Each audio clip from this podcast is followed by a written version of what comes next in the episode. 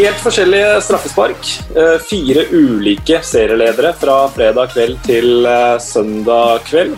Tre managere som støtter hverandre. Så skulle jeg egentlig hatt noe på to og noe på én, men det klarte jeg ikke å komme på. Men eh, vi får si det er bare én Dean Smith, kanskje. Det kan funke. Forrige runde så gjorde jo Rayan Ait-Nouri en brakdebut rett inn, fast på laget Wolverhampton. Per Atle Karlsen, du gjorde en brakdebut i poden forrige uke. Rett inn og fast på laget. Velkommen. Jo, takk for det. Det er jo, det er jo helt, helt, nydelig, det. Jeg kunne jo ikke bedt om mer. Det er som du sier, Den debuten her, den var jo virkelig over all forventning. Endre Olav Mosnes, du uh, sa før at det blir mye ballbesittelse på Per Atle her i dag. Ja, jeg har um, lagt opp til det, egentlig. Skal um, slå mye bakrom på Per Atle, det er vi enige om. Alle, alle mann, så det blir eh, bra. Det blir jo jeg syns det var en strålende debut eh, selv av eh, Per Atle forrige uke. Så blir det jo da den vanskelige andre sesongen. Andre kampen nå, så får vi se. Altså, Problemet mitt er jo at inne i bakrom så er jeg fryktelig treg, så jeg blir jo løpt opp hver eneste gang. Men jeg får bare gjøre mitt beste. Prøv å holde på ballen. Ja, uh, Helge Kalleklev, du er uh, også med oss. og vi er, vært, vi er jo i forskjellige rom, Helge. Vi er forskjellige, uh, antagelig forskjellige fylker òg. Og land. Ja, sånn er verden blitt. Vi fordeler oss i hvert fall på to fylker kanskje, og et land. så de som reagerer på at lyden er noe svakere i dag, får ta det med i eh, betraktningen, tror jeg. Men eh, vi får gjøre så godt vi kan. Det er i hvert fall kjekt å se dere. Er kjekt å se litt ansikter, så det, dette blir bra, det. Absolutt. Der er du veldig god, Helge, for der spiller jeg deg opp uten å ha planlagt det. Så forteller du at nå sitter vi på, altså, på digitale plattformer. Sånn, sånn, er det. Vi tar smittevernreglene vi må, og så er det jo også en gyllen anledning da, til å ha med Per Atle fra England. Vi kan begynne Eh, det er selvfølgelig fristende å begynne med den uh, utgangspunktet i storkampen, men jeg syns vi skal begynne med, med serielederen, ja. Lester. Som uh, Christian Fuchs fikk vel spørsmål om det her minner om 2015. Uh, da begynte han bare å le. Er det grunn til å le av sammenligning med Leicester 2019 og 2015? Det er jo ikke det. Det er jo um, det føles i hvert fall veldig godt, var det vel eh, det Fugt uh, svarte. Så det føles jo litt som, uh, som, det, egentlig. Du ser jo Sesongen minner jo egentlig uh, ja, Bortsett fra at det ikke var pandemi og tomme tribuner da, så minner det i hvert fall om litt om den sesongen, med lag som svikter rundt dem. Lag som ikke presterer stabilt, og da er det selvfølgelig Leicester eh, på plass. Det skal de ha. De er faktisk uh, consistent i en ganske uh, Jo, jeg syns det. Ja, men samtidig så har de, ta de har tapt hjemme mot Westham og Aston Villa, og de har vunnet borte mot Arsenal og Manchester City. Så de har egentlig tatt akkurat like mange poeng som de var forventet at de skulle ta, men de har ikke tatt de akkurat der det var forventet at de skulle ta de. Og så har de tatt 18 poeng, og det er imponerende. Men hvis du ser på det kampprogrammet Leicester har hatt, så mener jeg at det er helt rimelig å anta at de skulle plukke 18 poeng på de kampene. Men det er jo mer enn de hadde etter åtte kamper i 15-16-sesongen, da de vant. Så sånn sett er jo det all mulig grunn til å hylle dem. Men å si at de er stabile, i hvert fall basert på de siste ukene, det syns ikke jeg er riktig. Og nå er det vanskelig for deg å komme til orde, nettopp fordi at vi sitter på digitale plattformer. Så du vil ikke si at det seks strake seire er stabilt i det hele tatt? Ja, men Seks strake seire i hvilke turneringer tenker du på da? Altså, de har jo, Hvis du ser på de siste fire kampene til Leicester, så har de to seire og to tap. Og de to tapene i Premier League, altså. Og de to tapene er jo hjemme mot Westham og Aston Villa. Så hadde man som Leicester-supporter tenkt hadde vi bare vunnet de kampene, så hadde vi hatt en kjempeluke allerede. Jo, men så så vi Aston Villa i går da, mot Arsenal. Det er jo godt å slå og Det er lov å tape mot Aston Villa denne sesongen, her, er det ikke det? Jo, jo, så, nesten vil jeg hjemme mot Leeds, der de taper 0-3. Så sånn, sånn, kan jo alle lagene sitte og snakke om. Eh, så jeg, jeg, mener Det er rart å trekke frem Leicester som, som stabile basert på, på det. Da. Eller de har vel, eh, Med kampen i går så har de vel to på fem, ikke to på fire. Det er feil fra meg. Men, eh, men selvfølgelig Leicester er jo ikke alle turneringer nå, Helge. Ja, jo da, men de har tapt hjemme mot Westham og de har tapt hjemme mot Villa. De har da sluppet eh, og... inn ett mål. Uh, på de siste seks kampene i alle turneringer. Vunnet seks av seks. Hvis ikke det er consistency, så mm, må, du gjerne fortelle meg hvilket lag som eventuelt er det, altså. Det, jeg lar meg ikke imponere. jeg, jeg, jeg drar ikke paralleller til et ligamestervinnende Leicester basert på at de slår Soria Luransk og klarer å holde nullen i noen kamper i Premier League, før de har vist at de også kan prestere hjemme mot presumptivt svakere motstand. Jeg vet at Villa er gode, men hadde Leicester hatt 22 poeng nå, som jeg også skal komme tilbake til når vi skal snakke om andre lag, så kunne jeg sagt at dette er et Leicester-lag som kan gjøre det samme som de gjorde for eh, fire år siden. Men jeg tror ikke de gjør det igjen, basert på at de nettopp ikke har vunnet de kampene der. Som de burde vunnet hjemme mot Westham og hjemme mot I hvert fall hjemme mot Westham. Mitt Ja, poeng. ja. Eneste mitt poeng. De møter Liverpool neste gang, så da får vi en ytterligere pekepinn. Men Pratle, du er, bor jo og jobber i England. Hva er, eh, hva er gjennomgangsmelodien eh, med Leicesters seriestart der, hvis du har plukka opp noe der? Nei, Leicester er stabil, vet ikke om det, Helge? Jo, jo. Ja, men altså, av, av det, her, det kan sies altså av I denne ustabile sesongen så er jo Leicester det mest stabile vi har til nå. De, det, er jo, det er jo bare å lese tabellen, så ser vi jo det. Og det er jo en eh, det, det er jo ikke helt borti natta å tenke at uh, Leicester igjen kan få en pangsesong hvis du ser på hvordan den sesongen her har starta, når det er så ustabilt som det er, og det er så tett og jevnt som det er. Så det her tror jeg er en sesong der vi kan få fryktelig mange overraskelser. Jeg blir heller ikke overraska hvis Leicester igjen da. Nei, og Brendan Rodgers sier jo også at uh, med de skadeproblemene de har hatt For du skal ikke glemme det at Madison er jo egentlig først nå tilbake. De har mangla Sionshu, de mangler Ndidi. Uh, når de gutta der kommer tilbake, så, så ser det definitivt uh, bedre ut. Uh, skal bare ta kjapt To av de fem straffesparkene denne runden her kom på King Power Stadium. Det ene er jo veldig sammenlignbart med ett av de på Etihad. Uh, tror vi egentlig bare skal la hens-regelen være hens-regelen og de være, være oppgitte. Er, er, det er iallfall den feelingen jeg fikk av de postmatch-intervjuene jeg har sett etter denne helga. At alle bare åh, ja, det er hens nå, men, men sånn er det bare. Det er så håpløst. Hva skal spillerne gjøre? Da skal de bare kappe av seg armene på et, ett millisekund, liksom. Og så, jeg, jeg skjønner ikke at det, er- at det er mulig. At, uh, altså, hva som er på en måte resonnementet til dommerne her. Da, er bare, altså, hånd søker ball, det er greit. Hvis det skjer, så er det greit nok, liksom. Men Mm. når du har en avstand da, på 2,5 millimeter, og så får kelka en ball opp i hånda, hva, hva du skal gjøre, liksom? Nei, det er jo kapp av armen, da. Det, og det, og det kan man jo ikke gjøre.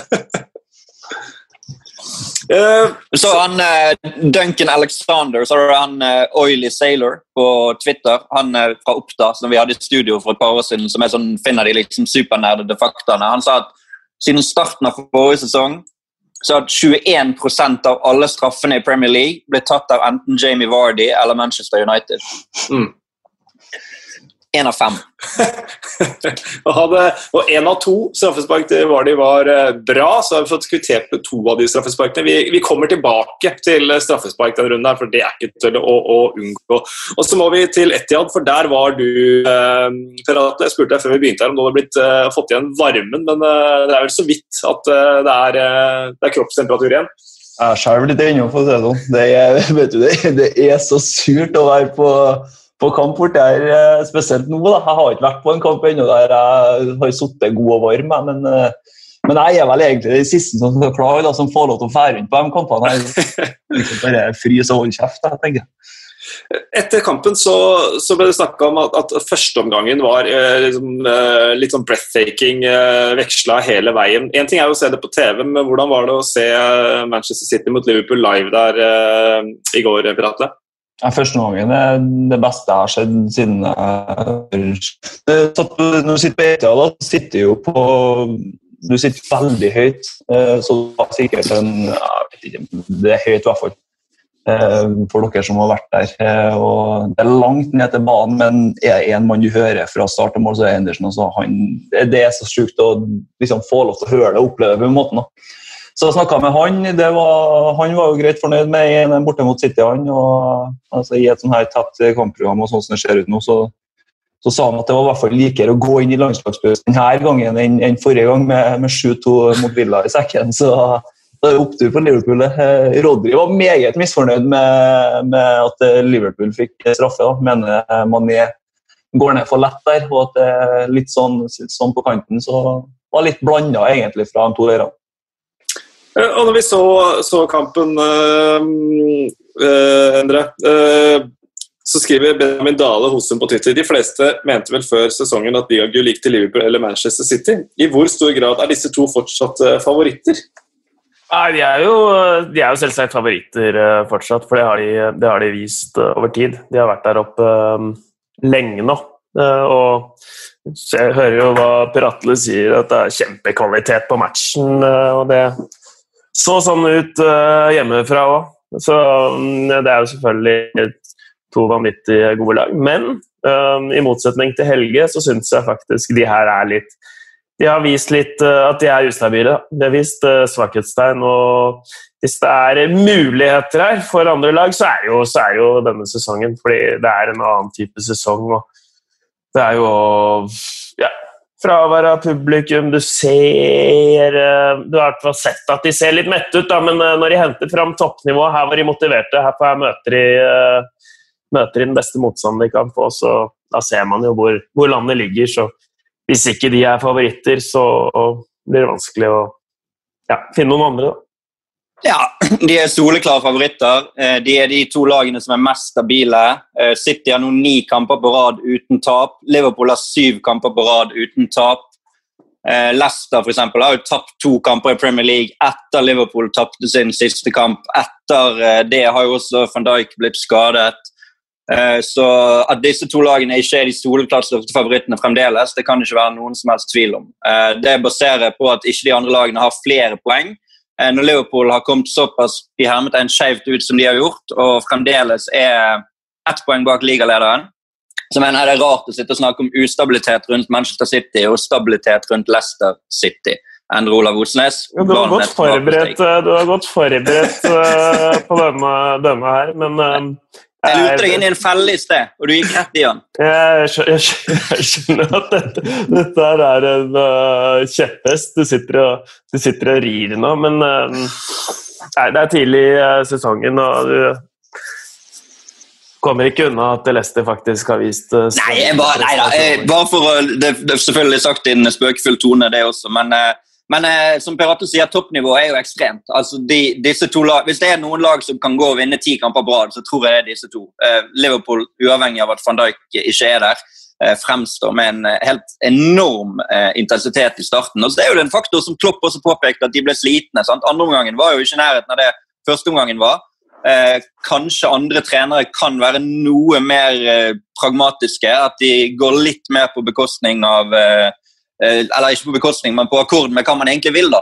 Jeg tror Klopp kan brenne seg litt på at han liksom skal gjøre ting på sin måte hver gang. Eh, og så har jo han sannsynligvis mannskap til å få resultater med det likevel. Mens andre trenere som kanskje har vært avskrevet fordi at stilen deres ikke har fungert, kanskje det er en stil som fungerer litt bedre i en sånn kalender som man legger opp til nå, da, når det skal spilles så mye kamper. For nå skal det spilles kamper midtuke, helg, midtuke, helg til nyttår i hvert fall.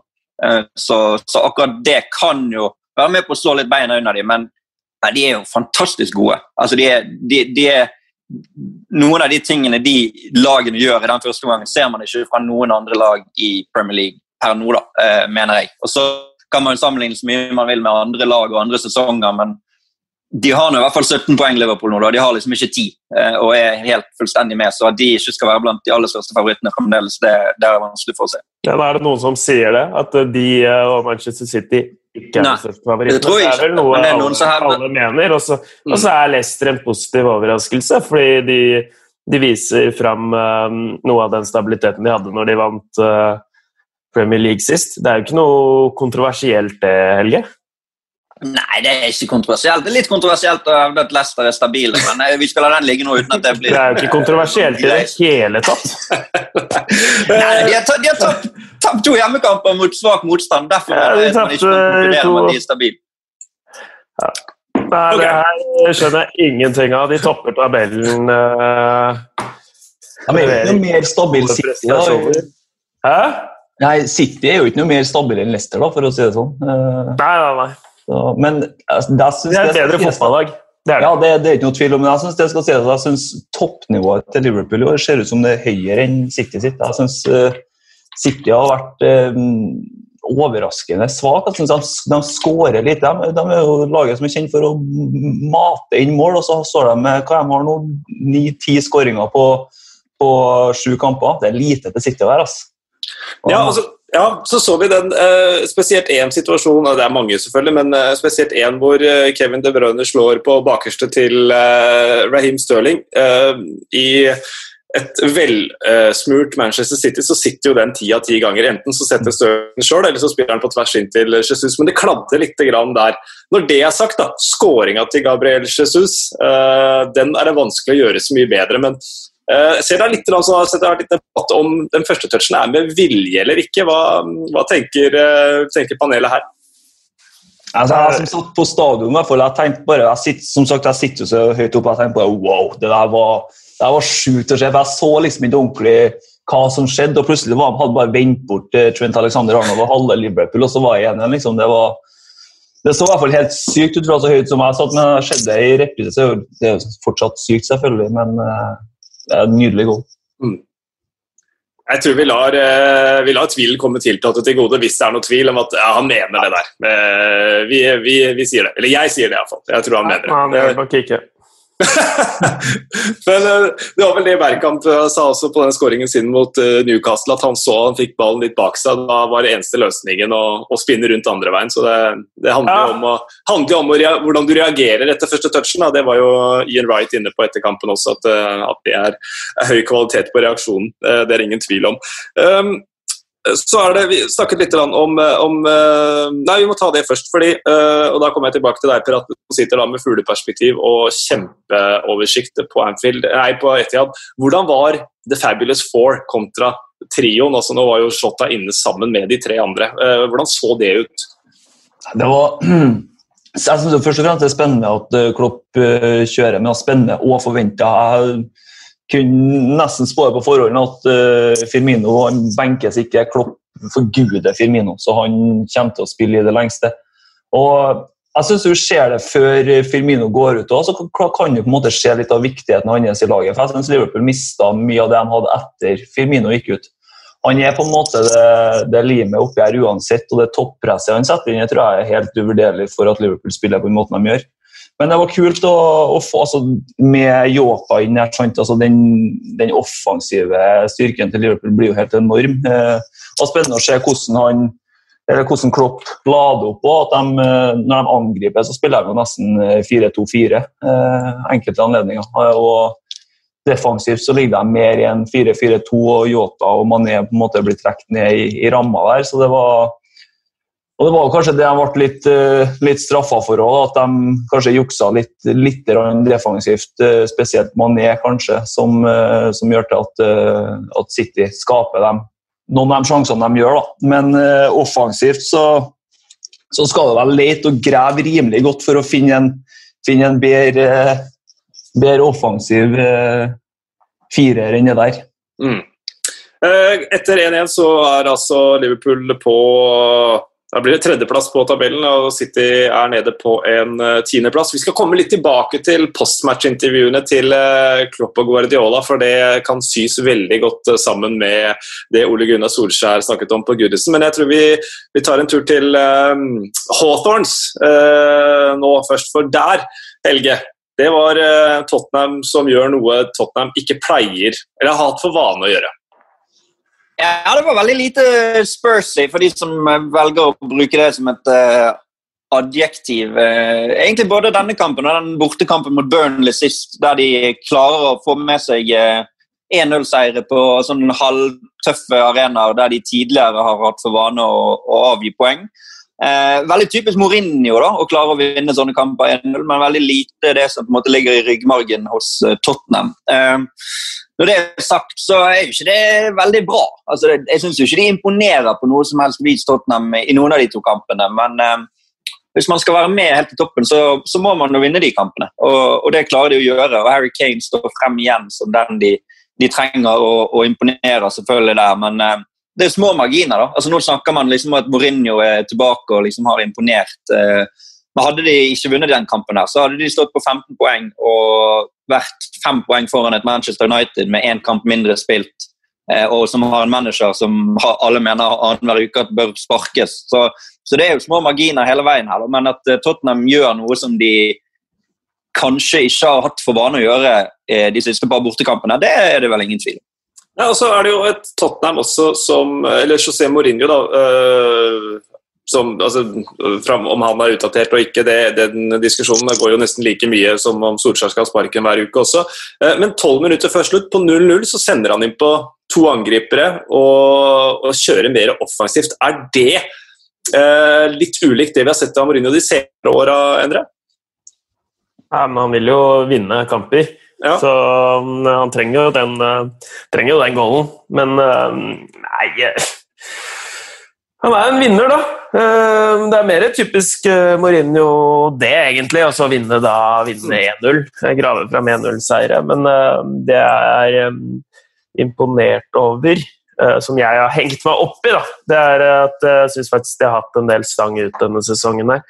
Det sa jeg sist òg, men Fikk en skikkelig trøkk mot eh, Newcastle og så en enda større trøkk mot, mot Westham. Og det at de da ikke gå sure, uh, men virker som de har beholdt humøret og selvtilliten i gruppa. Jeg syns Mourinho spesielt har respondert overraskende pent da, um, på de smellene. Uh, han har liksom ikke gått, gått i vranglås, og så har de kommet tilbake med den vinnerkulturen her. Da. Så de kan ikke drive og herje rundt helg ut og helg inn der med Son og Kane. Må grave fram de seierne her, og jeg liker det jeg ser av Tottenham. Jeg liker det jeg ser av Mourinho. Det har jeg egentlig likt helt siden han kom til uh, Tottenham og testet uh, putene på spillerhotellet. so, so soft! Ja, så jeg har jo, du spør på en måte feil mann, da, for jeg er jo fornøyd med Mourinho. Ja. Du finner kanskje ikke så mange som er så fornøyd med Mourinho som meg. Uh, rett mann til å spørre om uh, hvordan Harry Kane er, det er uh, ingen i dette panelet her som er bedre å spørre enn deg, Per Atte. Du har akkurat vært og møtt han og snakket med han en time. Det intervjuet kan du ligge ute på Sumo. Et veldig veldig bra intervju og mange spennende tanker fra Harry Kane. Hvordan er det å være på, på treningssenteret, møte de store stjernene sånn som du gjør?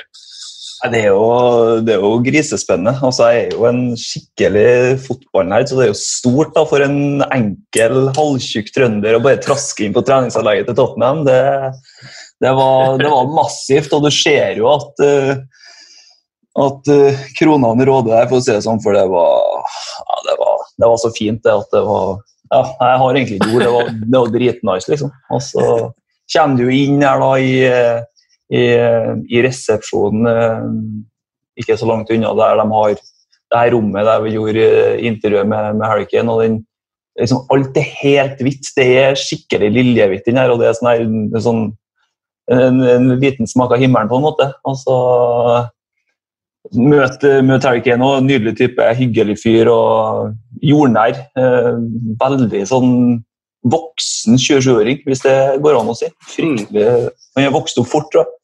Så nei, det var, det var, det var kult. Ass. Det, det, glemmes ikke med det første. for å si det sånn. Hvor gammel er du, Per Atle? Eh, 26. Og jeg er jo ikke voksen i det Så du føler at du sitter og prater med en som er mye eldre enn deg? Ja, ja. Ti år minst. Det, liksom Det er noe som ja. har den effekten på meg. Ja, ja. Se for meg Terry Kane. Er, blir du nervøs og sånt eller når du skal inn i de settingene der? Nei, egentlig ikke. No, altså, jeg har et sånt triks eh, når Jeg vet ikke om jeg skal si det på si det høyt, da, men eh, når jeg møter folk som jeg gruer meg litt til å møte, for at det enten at det er kule folk eller at det er store folk for min del, så da må jeg bare tenke på at, eller se for meg den personen går på do, da. og så blir det på en måte litt sånn sidestilt. Så det, det hender seg at jeg gjør innimellom at liksom, ok, alle, vi alle sitter der innimellom, så ja, da går det greit. Så jeg, jeg, jeg, blir egentlig ikke så nervøs uh, lenger som tidligere så kunne jeg bli. Hvordan ser du deg for at Harry Kane går på do? Sitter han med telefon, eller hvordan, uh, hva tenker du der? Jeg tror han er jævla elegant, da. Ja. Hver gang midt i potta. Men, eh, så, nei, jeg tror, jeg tror, det er fint. Okay. Uh, han er jo uh, skryt etter den skåringen hans mot Ludo Goretz fra Tottenham sin. Symmetrisk. Da den 300 kamper, 200 mål, 100 hjemme, 100 borte. Så han ødela den symmetrien, da. Men samtidig så kom han opp på 150 skåringer i Premier League, så han er likt nå med Michael Owen. Og snakka om at han ser, føltes ti år eldre ut enn deg, Per Atne. Han kommer sikkert til å spille i ti år til også. og Kommer han til å ta to rekorden til Share, 260 Premier League-mål? Ja, Hvis du spør meg, så blir ikke jeg overraska om han gjør det. Eh, så Han virker sulten, han virker jo bedre enn noen gang. Og, og det sier jo litt da, med tanke på hvor god han har vært de siste sesongene. Så ja, jeg blir ikke overraska om, en, eh, han tar den rekorden. Så er det Manchester City neste for Tottenham. Det er riktignok etter pausen, eh, Helge. Vi snakket om det forrige uke, om Tottenham er en tittelkandidat. Må vi vente til etter den kampen med å slå fast ja eller nei på det? Ja, du må vente til mer enn etter den kampen, tenker jeg. For der er jo også litt sånn det kampprogrammet Tottenham har hatt. Jeg hadde faktisk en, en samtale med en kamerat av meg i sommer og sa til han at jeg kommer til å bli skuffet hvis ikke Tottenham leder ligaen når de skal inn i landslagspausen i november. For da har de ikke tatt nok poeng til å henge med helt der oppe som man forventer at de skal gjøre. Eh, for det kampprogrammet Tottenham har hatt, det er borte mot Southampton og borte mot Manchester United. og Ellers er det egentlig kamper et Mourinhos Tottenham eh, bør vinne. Eh, nå er leder ikke de serien, men de er helt med der. De har 17 poeng. Jeg hadde kanskje budsjettert med 20 hvis det sånn helt realistisk skulle være mulig å kunne henge med. Nå møter de City, så møter de Chelsea, så møter de Arsenal. Så har de Palace borte, så møter de Liverpool. Så møter de Leicester, og så møter de Wolves. Og da er det nyttår. Kommer man seg gjennom de syv kampene med rundt 15 poeng. Da tror jeg man kan begynne å snakke seriøst om at Mourinho er der som uh, Guardiola faktisk sa i sommer at han trodde de kom til å være. For Han var jo en av de som uh, lanserte Tottenham som tittelkandidat og ble litt ledd av i sommer. Så uh, det er jo litt gøy narrativ inn mot en Mourinho-Guardiola-dyst igjen, dette her. da. ellers kan vi jo si allerede nå at vi har som plan å få til en podkast til før den neste runden, der vi faktisk går gjennom dette med tittelkandidaturet til de forskjellige klubbene, og håper på innspill fra lytterne der også. Hvem de mener er tittelkandidater, og hvem de eventuelt uh, mener uh, ikke er det, basert på den tabellen som er til nå. Så, uh, så, jeg mener det er for tidlig. da. Endre Olav vil sikkert være uenig, for vi har jo lagt opp til en linje der vi skal være uenige i dag, selv om vi er veldig glad i hverandre. Men jeg mener det er for tidlig å, å si det nå, da. Jeg mener ikke det er for tidlig, men uh, sånn, uh, sånn, er det. Jeg tror den sesongen er den Eller det ser vi. Den er, den er veldig åpen. Så jeg gleder meg til, den, uh, til å lytte på den podkasten. Helge, det blir stort med tittelkandidatene, for der er det mye å ta tak i. Det blir en meget bra episode. Det er mye å ta tak i for, eh, for West Bromwich også. Uh, for å nevne dem litt uh, også Slaven Bilic sa etterpå at hver eneste kamp er en mulighet, men en kamp mot Tottenham er en, en slags bonus. at Det er ikke der de skal hente poengene sine, men det begynner å haste. og Oddsen på at Bilic får fyken først er vel uh, kutta nå, så det virker som at han sitter tynt. Det er litt trøbbel med eier og alt mulig sånt. Noe vanskelig å se akkurat nå, i hvert fall, uh, West Bromwich sin vei ut av uføre. Uh, Syns iallfall jeg. Ja, men Mourinho la i hvert fall inn et veldig godt ord da, for, uh, for slaven. Ja. Så at hvis Slaven Bilic, altså slik det jobba for han, så var han rett mann for å, ja, til at han kom til å dra dem ut. Da. Han, han, er jo fornøyd med å snakke opp motstanderen nå etter selvfølgelig at det laget hans slår det. Da er det jo det er, så det er jo snikskryt, selvfølgelig. Ja. Fra Mourinho. Men uh, virka egentlig fornøyd, Bilic, da, etter, mm. uh, etter matchen, ut, med, ja, ut, fra prestasjonen. Ja, altså, hvis vi fortsetter som nå, så har vi en, eh, en sjanse. Uh, jeg har ikke glemt Wolverhampton, det, det, skal vi få ta og nevne dem litt etterpå. Vi snakka ikke om dem i det hele tatt mot, når vi snakka om Leicester, så bare veldig kjapt. de er jo Apropos stabile, er de stabile der, de, eh, der vi forventer at de skal være, eller eh, hva, hva syns vi om Wolverhamptons sesong så langt? Hvem svarer det nå? Ja, hvem som helst. Ja, nei. Spørsmålet er helt ute av kontekst, så, så det er noe man får svare. Jeg tør ikke svare, fordi, fordi Helge sitter bare og venter på at jeg skal svare først. Og så bare plukke fra hverandre hele resonnementet mitt etterpå. Så jeg går jo sikkert rett i fella igjen. Men nei, jeg, men jeg syns jo Wolves er litt uh, de, er, de er det de er. De er et bra fotballag, men de er ikke ikke De er ikke helt der oppe. Veldig, oi, veldig jevne kamper. Lite mål, jevne kamper. Sant? Få små marginer som bikker. Eh, de har jo 13 poeng. Det er jo decent. Hadde de slått Leicester, så hadde de vært foran de på tabellen og vært ubeseiret i fem kamper på rad. Mm. Nå tapte de 0-1, og de spilte vel uavgjort mot Newcastle for ikke så lenge siden også. Så, så, så, det er jo litt sånn I linje med veldig mange andre lag så er det jevnt.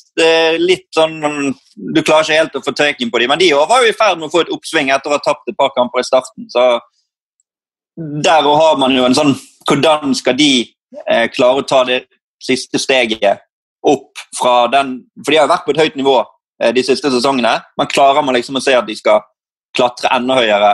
Vanskelig å vite, men det blir, det, blir så, det blir, så, resultatbasert, da, de samtalene vi har. For det, mm. De taper den kampen 0-1, og hadde de vunnet den 1-0, så hadde de vært nummer fire. og vært, altså, det ble litt sånn kasteball opp i luften akkurat denne mandagen kontra forrige mandag. Hvor ser vi de?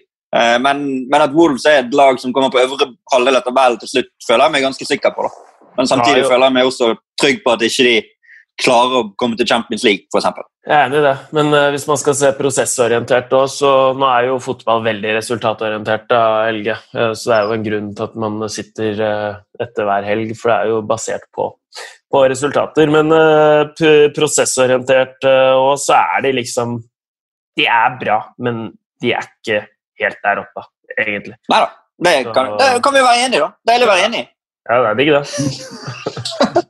Prosessorientert har det jo vært med, med Arteta også. Vi satt for en uke siden og snakka om at Arsenal hadde en plan. og sånt, Men nå skal vi snu litt på det. fordi Før vi snakker om eh, Arsenal i denne kampen, her, så må vi hylle Dean Smith og Aston Villa. Den kampen kommenterte du, Eo. Nå blir det mye ballbesittelse på deg, men eh, du får den her til å begynne med nå, så tar vi det derfra. Ja, det er jo alltid digg å få, få, ball. Skal jeg prøve å treffe på den første pasningen her nå i denne sekvensen? Fordi det Aston Villa-laget er det jo lett å la seg eh, rive med, selvfølgelig. Som eh, Helge sier, nå har de tapt to, og så vinner de 3-0 over Arsenal. Så er de plutselig verdens beste fotballag. Men jeg syns, eh, syns rett og slett Faktisk kommentert de tre siste kampene til Aston Villa. De det var en utrolig morsom kamp mot Leeds, og så bare vant Leeds 3-0. De hadde flere avslutninger enn Southampton, og så tapte de 4-3, og nå får de det ut. da mot Arsenal og 3-0. Jeg syns rett og slett de er skikkelig, skikkelig moro å se på. Det er hvis du ser på det laget Aston Villa har, da, så er det faktisk et vanvittig bra fotballag. Jack Reelish i storslag. Ross Barkley på sitt beste bør være en god, god engelsk landslagsspiller. Ollie Watkins, eh, fantastisk fra championship. Hvis man man ser jo det. De beste fra championship de er eh, gode i eh, Premier League. Og så Douglas Louise, da. Brasiliansk landslagsspiller sentralt der. John McGinn, skotsk landslags, landslagsspiller. Altså, men det er eh, klasse overalt, og det stoppeparet med Taron Mings og eh, Konsa Veldig, veldig bra. Nei, det er et eh, meget godt fotballag, og når de får det til å svinge sånn som i går, så syns jeg det er, eh, det er ikke noe som er bedre å se på. Nei, Snudd litt på hodet. Hvis du tar, eh, kom opp sammen med Sheffield United forrige sesong, da var det Chris Wilder og barndomsklubben og de som gjorde det bra. og Dean Smith de hang i tauene og vant eh, helt til slutt. Hvor imponert er du Per Atle, av, av Aston Villa? Jeg er mektig imponert. 17.-plass i fjor redda redda plassen på sesongens siste dag. Mannen som redder Villa, er jo selvfølgelig Jack Willish, og han har jo bare vokst inn i himmelen sesongen, syns jeg. Eh, han signerte, altså Viktigste signeringa til Villa før, før, sesongen her var jo han. Ny femårskontrakt eh, på Villa Park for Wheelish som var linka til halve verden omtrent. og så har han vært involvert i, ni av 18 skåringer for, eh, for, Villa denne sesongen. her. Det sier litt av, av viktigheten hans. Altså, jeg syns de har ja, det er helt nydelig å se Villa, som Endre syns er helt, helt linje. Så vi henta Emiliano Martinez bakerst der òg. Han mm. betalte dem jo ganske mye for, men eh, de har jo fått valuta for pengene, for han har jo stått meget bra. Og kanskje var det ikke det smarteste Arteta gjorde, å selge han.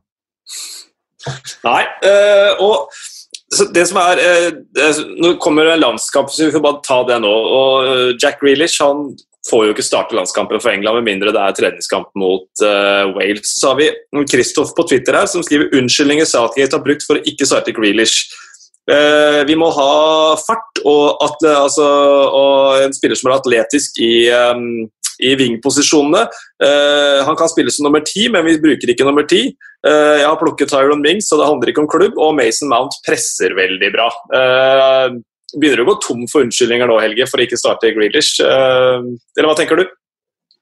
Ja, Det var vel flere som var ute, Agbonlahor og flere tidligere spillere som var ute og mente at han hadde en agenda mot han siste samling i oktober. Eh, jeg føler meg ganske sikker på at han kommer til å starte nå. Nå har de vel en treningskamp som han garantert kommer til å starte omtrent. Eh, og Så får man jo se da, hvordan det går. Men jeg vet ikke, altså Southgate er jo en veldig sånn eh, litt på samme måte som Lagerbäck, uten å dra den sammenligningen for langt. Og Hvis du har en gjeng som har levert for deg, og du stoler på dem, eh, så er det vanskelig å hive inn de som på en måte kommer litt fra utsiden. Eh, jeg sier ikke at det er riktig å gjøre det, men at man på en måte stoler litt på de som man vet har gjort det bra. Men, men Grealish er i ferd med å bli sånn eh, Jeg vet ikke om vi har et ord for unplayable eh, på norsk, men han, det han gjør, er jo helt enormt. Og, og så syns jeg det er kjekt at Olav nevner Barkley også, for jeg synes at han han blir litt, litt, litt, nedsnakket, kanskje. Nå, eller nå har man snakket om han fordi at man har poengtert at man må snakke om han, eh, fordi at man ikke bare må snakke om Grealish. Men, men han har jo også et enormt potensial. Da.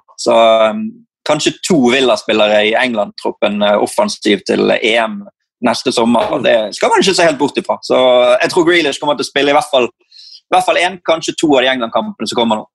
Og de to har jo vært oppsiktsvekkende bra sammen. Uh, det er jo mm. synergieffekter uh, der de gjør hverandre veldig veldig gode. Og på det 1-0-skåringen uh, er det vel, ja. Så er det, det er jo altså De står bare og venter. Ingen tør å gå på dem. Det er en sånn arrogans og swagger over det de driver med. En felles forståelse som er moro, moro, å se på. Så det har vært en fin pakkeløsning ja, med de to på England. Jeg tror De trives, i hvert fall ut og trives veldig veldig godt ute på banen sammen. Mm. Mm. Men det kan, det kan jo hende at det har vært ting altså utenomsportslige ting. Sånn. Du vet jo at det har vært ting med Graylish der og Southgate har hatt en, en hard linje på det.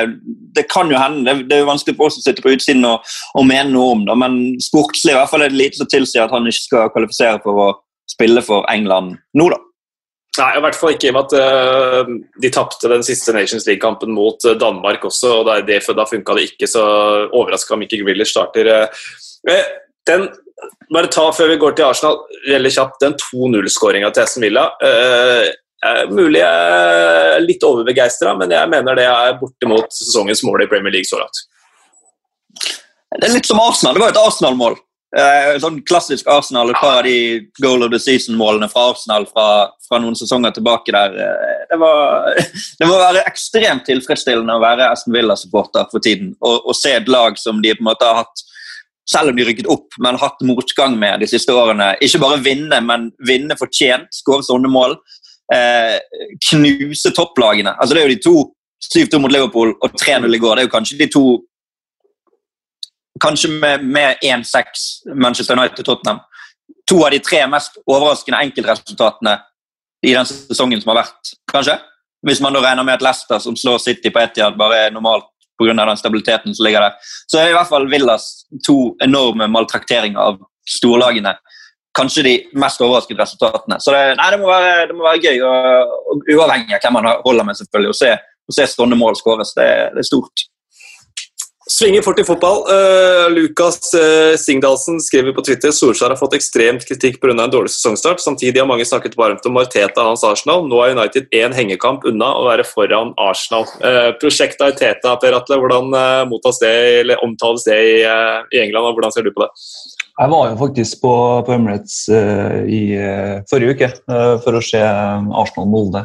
og snakka litt med, med, folk i gangene der, eh, hvordan de eh, tenker om Arsenal nå og, og Arteta. og det, det er blanda. Det, det, er jo, det er jo flere som liksom er jo, Han er jo en klubbmann og har gått Pep-skolen, og det er, liksom, det er kult å få inn Arteta, men samtidig så er de jo fryktelig ustabile. De er jo ikke noe mer stabile, de er ikke i nærheten av noe mer stabile enn hva f.eks. Eh, Solskjær og United er. og det altså, jeg, er, nei, Du vet aldri hva du får. Fire seire fire tap. Det er vel det de har, uh, har sett på åtte kamper denne sesongen. her, og På de matchene uh, Arteta hadde etter at han kom inn i, i, i forrige sesong. Og det var jo, var jo ustabilt, det òg. Like skiftende som været i Manchester eller i, i Norge. for den del. Det, det, du, du, vet aldri, aldri, hva du får. og nå, Jeg syns Arsenal ser jeg synes de ser svake ut. rett og slett. De har skåra lite, de er, de er ustabile. og jeg, jeg, ser ikke så fryktelig mye framgang, da, for å si det sånn, eh, under Arteta så langt. Nei, Er det litt det samme som eh, med, med Solskjær? at man, altså De var jo veldig gode uh, på Trafford, men at de sliter mer når de skal, skal styre kampene. Det er jo ofte det vanskeligste i fotball, det. Ja, så spør, spør, du meg, så kan det, kan det, se sånn ut. De, har jo, de skårer, jo, skårer jo nesten ikke fra, fra åpent spill. Jeg tror jeg leste uh, på Twitter hvor det var at det var over 6,5 timer med fotball for Arsenal siden de har skåra ut fra åpent spill. Uh, og det det sier jo litt på at dette er et lag som, som, sliter med å produsere sjanser på egen hånd, og som kanskje mangler det grunnspillet man må ha for å spille ut, spille ut de dårlige lagene. Men eh, så, så er det litt sånn, jeg syns det er noe med, med Arteta og måten han, han, er på, som, eh, som jeg syns er litt sånn merkelig. For jeg, snakka jo med ham etter, etter Molde-kampen. Han skal være det virker som han skal være veldig sånn, sånn kul. Da. Jeg vet ikke hvilke andre ord jeg skal bruke, men sånn, du, du, ser på en måte at han nummer én, du ser at han har gått i lære hos Pep. For måten han stiller opp i intervjuer på, måten han fremtoner seg på, det minner meg i hvert fall veldig mye om hvordan jeg har sett eh, Pep i, Pep intervjuer. Så det er sånn, jeg vet ikke, jeg har fått, jeg har fått litt uh, dårlig vibes så langt, altså, men jeg håper jo, at, eh, jeg håper jo for Arsenal sin del at jeg kan ta feil, og at han bare kan kan løfte dem til himmels igjen, men jeg er skeptisk. Ja, han sa jo etter Laget en sånn uh... Nei, bare vær, vær, så god. Ja, jeg skal bare si det, før Du uh, sa jo etter kampen at, det her, at i dag, eller i kveld var den første kampen uh, etter at han kom, at det ikke var hans lag som var ute på der, så han var tydelig misfornøyd. Uh, burde kanskje beholdt boblejakka fra torsdag. Uh, og bedre flyt med den. Den boblejakka er jo en klins. Ja, det fett. Jeg, jeg laget en sånn uh, Arteta-tabell, for det var jo veldig populært med den Solskjær-tabellen en stund. Uh, bare for å se på poeng uh, han har tatt, rett og slett. Og I og med at man måler ut ifra poeng. så kan man si hva man vil om den prosessen Arsenal er inne i, og hva man syns om han som type. men siden han kom, har ledet Arsenal i 28 kamper, tatt 45 poeng. det er da på målforskjellen bedre enn Wolves og gir en syvendeplass totalt i Premier League siden han kom inn. Eh, jeg vil jo ikke tro at noen Arsenal-supporter vil være fornøyd med at Arsenal skal være det syvende beste laget i Premier League. Og så er Det klart at det er ting som har spilt inn her. Man kommer inn midt i en sesong, det er aldri lett. Eh, han har tatt fem poeng mindre enn f.eks. Tottenham og Mourinho, fem poeng mindre enn Hasenhyttel og Southampton, som måtte heve seg veldig. Eh, seks poeng mindre enn Ole Gunnar Solskjær og Manchester United i samme periode. Og 22 poeng mindre enn Liverpool, som er overlegen også på den tabellen. Og så så jeg han Kristoffer eh, Johansen på Twitter. Han bor jo Chris. Jeg vet ikke om dere følger han, men han, Jeg kan legge ut en anbefaling til alle om å følge han, for han er veldig flink til å se litt bak tall og presentere det i tabeller og litt sånn. Eh, på en sånn eh, Aubameyang non-penalty expected goals. Eh, altså forventede skåringer ut fra sjansene hvis man tar vekk straffene til Aubameyang. Og den grafen der, det eh, vet ikke helt hva man skal sammenligne med, men han var nede, jeg tror han er nede nå på 0,35 eh, per kamp. da. Sammenlignet med når han var på høyden i Arsenal, var han på 0,70, altså det dobbelte. Og da han var på høyden da han kom til Arsenal, var han nærmere ett mål. Da. Altså, for de som ikke vet hva XG går i, så er det kanskje litt vanskelig å følge med på de tallene. Men kort oppsummert så kommer han i hvert fall til rundt en tredjedel av de samme åpenbare målsjansene nå som da han kom til Arsenal. Eh, og så har det litt å si måten de spiller på, men også litt å si på at han kanskje litt på nedadgående, eller er det for altså, strengt så tidlig i en sesong? Litt, litt, strengt, uh, kanskje. Jeg syns jo det skjer Hvis det er sånn just the process uh, i Arsenal der, så er det jo spennende det som skjer på midtbanen jeg, og, og, i forsvar, men uh, det er jo en del som rynker på nesa med rette, og det er jo med bruken av Lacassette og William. William så veldig bra ut når han kom inn med en gang, det, men det er jo De har jo underprestert. Lacassette og skal jo sette, sette ballen i mål uh, i går. Han, han, er ikke i form. Og når de ikke er i uh, form, uh, så, så, har jo Aubameyang forsvunnet litt. Da. Så Mm. PP for eksempel, leverer jo bra med mål og målgivende, han, men han får jo nesten ikke spille. Han må spille mer. Han, kanskje, altså han har jo selvfølgelig skuffet ut fra prislappen, men Nei, det er eh, mye sånn eh, halvbra da, med det angrepet der, hvis jeg kan si. Jeg syns Lacassette glimtvis bra, William glimtvis bra. PP syns faktisk han har vært bra. Eh, så har man Enketia som er ung, Saka som er ung. eh, de gutta der, så det kan bli bra på sikt. Men eh, det var ganske svak, den Arteta-tabellen, faktisk. Ja, men jeg tenker at dette også kan svinge igjen. Arsenal er jo litt motsatt enda skalaen fra det Tottenham er, eksempel, med tanke på kampprogram. De har vært på Etihad, de har vært på Anfield, de har vært på Old Trafford. Eh, så vant de riktignok Paul Trafford, og så tapte de for Leicester, som var skuffende. Men det er jo først den kampen her noe som er sånn skikkelig sånn i hermetegn kriseresultat. da. Mm. Altså At man taper for City og taper for Liverpool borte, kan jo skje, men, og det ser stygt ut med med fire tap eh, av de siste seks. Er det ja for de vant vel de to første. Så at Arsenal potensielt kan komme inn på en streak der de vinner en tre-fire kamper og plutselig er med igjen, det ser jeg ikke vekk ifra. Men det blir jo litt sånn på samme måte som du sa med Solskjær. sant? At man vurderer liksom etter hvert resultat, og så Mm. er han riktig, han er feil, han er riktig, han er feil. Så nei. Det er bare en lang sesong. Altså. så- Ja, så har jo Arteta noe Solskjær ikke har. Han har en FA Cup-triumf. Han har vunnet, uh, vunnet mot eh, Manchester City i den uh, om det var semifinalen og Chelsea i finalen. Eh, så sa du Jeg vet ikke om jeg skal sammenligne den kurven til uh, Aubameyang med Helge. Det jeg håper å kunne sammenligne med, er jo eh, antall positive covid-tester. At den kurven blir lik som Aubameyangs expected goals. for da kan vi kanskje få publikum på tribunen etter hvert her. Eh, hvis vi tar eh, de som var serieledere gjennom hele lørdagen, Southampton Ralf Hasenhyttel for én jobb. Altså Sist de spilte på en fredag, det var den kampen mot Leicester. 0-9. Og neste gang de spilte på en fredag, så tok de eh, til serietitterne. Vi kommer jo hele tida tilbake til den 0-9-kampen, men det, jeg klarer ikke å rive meg løs fra den. Ja, fordi eh, det, det, det han har gjort altså, altså, i den klubben der Jeg var over meg av begeistring for uh, Ralf Hasenhytter. Jeg er man-crush på Ralf Hasenhytter. For en mann! Vi hadde jo han eh, Cornelius Normann Hansen i studio eh, i forbindelse med det sesongtipset før sesongen. der vi gikk gjennom alle klubbene.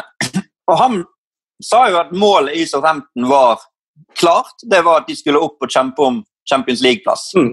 Eh, Det var jo noen som satt i det studioet og smilte litt av det, kan jeg huske. For det, du, du løfter hånda. Ja. Eh, det virket jo kanskje ikke realistisk, men han har bygget ting over tid. da. Eh, Fått tid, tatt tid. Og er jo en fyr som kommer fra en toppklubb i Tyskland. Det er jo ikke liksom at han kommer fra gaten og leder, skal lede Southampton litt sånn på måfå. Um, men de kom, jo veldig skjevt ut da. Etter I denne sesongen. De tapte jo 2-5 der for, for Tottenham i andre runde. Da hadde de null poeng, og man lo litt av at han er så sta. Eh, han står på sitt uansett. Men etter det har det vært veldig bra. da. Og så må vi selvfølgelig ta med i betraktningen der også et kampprogram som kanskje ikke har vært det aller tøffeste, men for all del kjempeimponerende. Eh, absolutt.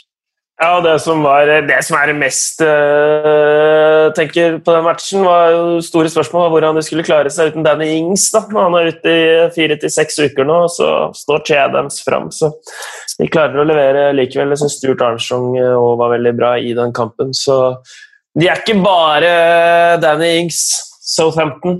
Og så var det vel de som starta, for da kom jo de opp på tabelltopp der. Var vel de som startet denne joken som har gått gjennom helga med tabell der og stop counting. Ja, det var det. Så det skal, det skal også Stop den, the count. eh, ja. Stop the count der, ja. Eh, stop men the den, count. det skal de berømmes for.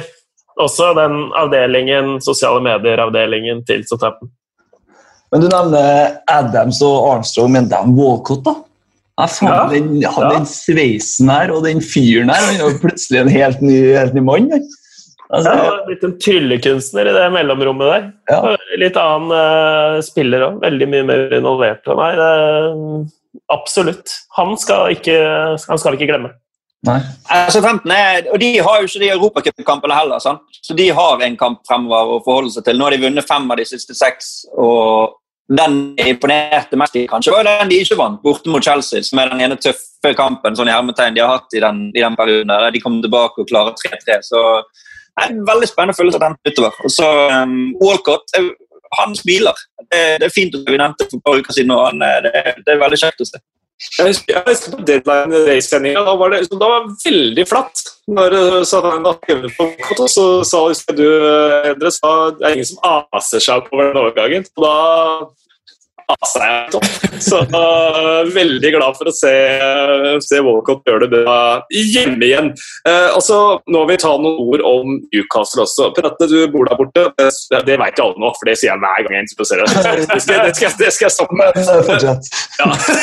Men Bjørn Vestblad skriver interessant å høre om dere faktisk, med capstock, Uh, mener Steve Bruce gjør en god jobb. I så fall hvorfor. Tallenes tale er klar. Man ser hvilke kamper uh, han varter opp med. Begynner å bli lei av at spesielt engelsk media roser Bruce. Og så lister han opp. Altså, de har flest skudd imot, de har flest skudd på mål imot. De, uh, altså, Dalo har gjort flest redninger, og det er ikke alltid et positivt tegn. De har skåra nest minst mål, de har minst skudd på mål. Altså, alle statistikker er bare grusomme. Jeg vet ikke om du har plukka opp noe der Piratte, på, i kjølvannet av den kampen her? jeg er litt sånn, hva, hva, er det man skal forvente av Newcastle egentlig? Altså, nå er de på, på 13.-plass og hadde en helt sånn decent eh, sesongstart. Men samtidig så kan jeg jo skjønne at det ventes litt. For de, har, de er jo et av de mindre lagene i hermetegn som faktisk har brukt litt penger. Mm. Og som har henta litt eh, spillere, som Callum Wilson for eksempel, og Ryan Frazier. Og det er på en måte, jeg, jeg skjønner at det er forventninger her, men samtidig så er jeg litt sånn hvor, hvor, god skal de være? på en måte. Det, er jo urealistisk å tro på at Newcastle i hvert fall nå skal være oppi her og blande seg om en europaplass, kanskje. Så jeg tenker jo sånn i midtsjiktet på tabellen, i mine øyne i hvert fall. Jeg vet ikke hva, hva dere andre gutter mener. Ja. ja. Ja fortsett, fortsett. Nei, nei, jeg, det, jeg lurte på det var egentlig dere mente. Altså, jeg er jo helt enig med deg, Prate. at de har elleve poeng nå.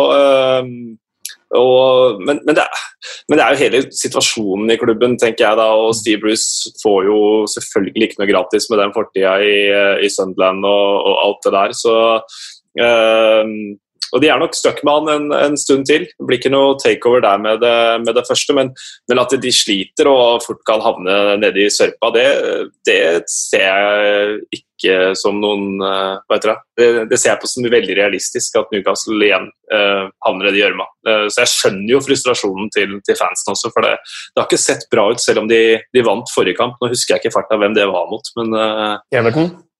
Everton, ja. Som også ser uh, ikke så bra ut. Og Da blir jo det en fin overgang, for eh, Everton starta bra mot uh, Manchester United. Dominic Albert-Lewin med en stuss og litt stusslig forsvarsspill og bra prestasjon av Bernard. Og så trer Bruno Fernandes fram, og nok en gang så vinner Solskjær en sånn coinflip-kamp for, for å låne uh, begrepet til vår kjære kollega Marius Skjelbæk, som jeg prata med om dette her på, på torsdag. Enorm evne til å vinne de kampene der, Solskjær. Ja, det, er det, er jo laget som vinner kampen, da. ikke Solskjær. Men eh, det, det, må man jo kunne konkludere med når det er laget som svikter han. Så er det vel også laget som eh, gjør det bra når de vinner. Eh, ellers så kan man jo ikke se seg selv i speilet hvis man kun skal gi skryt til Solskjær når de vinner, og kun gi kritikk til laget når de taper. Eller er det en feil oppfatning? Nei, jeg er helt 100% enig. Ja, Det er jeg helt enig i, men det er vel ikke Solskjær som har sagt det Nei, nei, dette er ikke kritikk av Solskjær, det er egentlig kritikk av oss. Eller de mm. som synser og ja. mener ting. Eh, så det er for all del eh, Bruno Fernandes vinner kampen. Ja. Bruno Fernandes var bra. Han var enorm. Altså. Det var faktisk eh, Det tror jeg er det beste jeg har sett Bruno Fernandes siden jeg kom hit. Og det å bare få høre han litt for Det som i hvert fall jeg har savna litt fra United Paul på Old Trafford, den der eh, kjeftinga og smellinga og, og kommunikasjonen på banen, men Bruno Fernandes han var helt, han var helt boss liksom, på Goodison. Det var ingen som var i nærheten. Så, det, det, det, er gøy når det stemmer for ham. Det er gøy når det stemmer for ham. Han får mye ros om eh, Bruno Fernandes, med rette. Men når det ikke Han gjør ganske han, Det er en grunn til at han har mye målpoeng òg, da.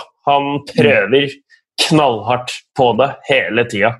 Uh, han slår de pasningene, han uh, går på skudd, han har den derre uh, trøkket. Og han gjør ganske mye vilt òg, som ikke funker, spør du meg.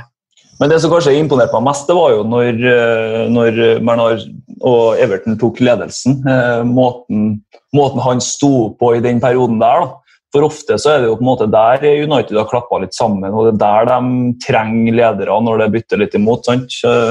Men akkurat uh, altså da, var han, da var han så på, han var så tent, og du så liksom i de, de tre-fire duellene etter skåringa det, her, det her er ikke greit, liksom, det her, skal vi, det her skal vi ta tilbake. og Det var kanskje det som imponerte meg mest, da, med, med måten han responderte på det på.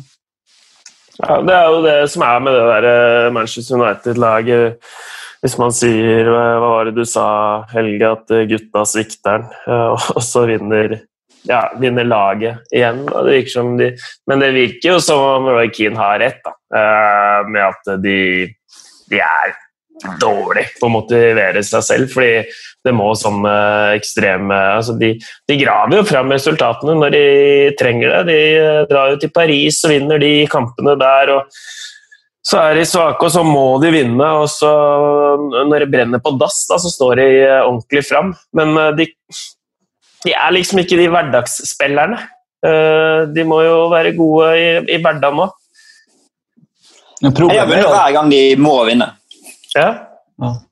Men problemet er jo at de, altså de, hvis det ser borte, så er de jo bunnsolide. Det er jo Paul Trafford at de ikke klarer å vinne fotballkamper. Så de har jo seks-sju på rad i serien borte nå. Eh, etter den på, på Goodison. Det, så det er jo gode tall, men det er jo, problemet er at de ikke klarer å vinne på, på hjemmebane. Det virker som det, altså det tror i hvert fall jeg kan bli en sånn mental greie etter hvert. Altså at du ikke, når du på en måte går kamp etter kamp uten å vinne på hjemmebane, at, at, det setter seg litt i bakhodet. Mm. De har jo havnet under i alle de tre bortekampene nå, så de har jo vist den der vi kan slå tilbake. Ja. og mm. Newcastle skåret med én gang mot dem, og de kom tilbake og vant der. så 4-1 lyger litt i den kampen, men de vinner nå. og De står med ni poeng borte. Men, mens hjemme så ser jo det veldig stygt ut. men Grusomt mot Tottenham selvfølgelig, og mot Pelles, men mot Arsenal og Chelsea isolert sett kan man tåle et poengtap der. Så det er jo tøffe hjemmekamper de har hatt også, men, men det som er litt sånn her påfallende, er jo at hvis de vinner den hengekampen, så har de 13 poeng. Og Da er de liksom nesten helt med igjen allerede. Mm. Og så satt man for en uke siden og var sånn Nei, nå, nå har han én kamp på seg. Så jeg skjønner jo liksom frustrasjonen blant de som på en måte ønsker å gi Solskjær tid, om at det liksom ropes på det etter hver eneste av de situasjonene eh, han setter seg i der liksom han må, han må vinne. Men samtidig, hvis du på en måte tenker at det Solskjær gjør, det han har levert, det Manchester United under Solskjær fremstår som, er på en måte godt nok. Så kan du, hvis du skrur klokken tilbake to år, da, da Mourinho, den høsten Mourinho fikk sparken Etter åtte kamper den sesongen så hadde de 13 poeng. Den åttende kampen den sesongen det var den kampen hjemme mot Newcastle, da alle snakket om at nå ryker Mourinho. Denne kampen må han vinne. Eller liksom egentlig uansett, her er Mourinho ferdig. De havner under 0-2, slår tilbake, laget liksom bygger opp. Alexis Sanchez matchvinner på slutten her. Og de vinner den kampen og står med 13 poeng etter åtte kamper. Hvis Solskjær og Manchester United vinner neste kamp, står de også med 13 poeng etter åtte kamper. Og bare det at de på en måte er kommet der at man sitter og argumenterer for er dette godt nok, er det liksom en prosess som er god nok, mener jeg nesten er svar sjøl, da på at ikke det er godt nok.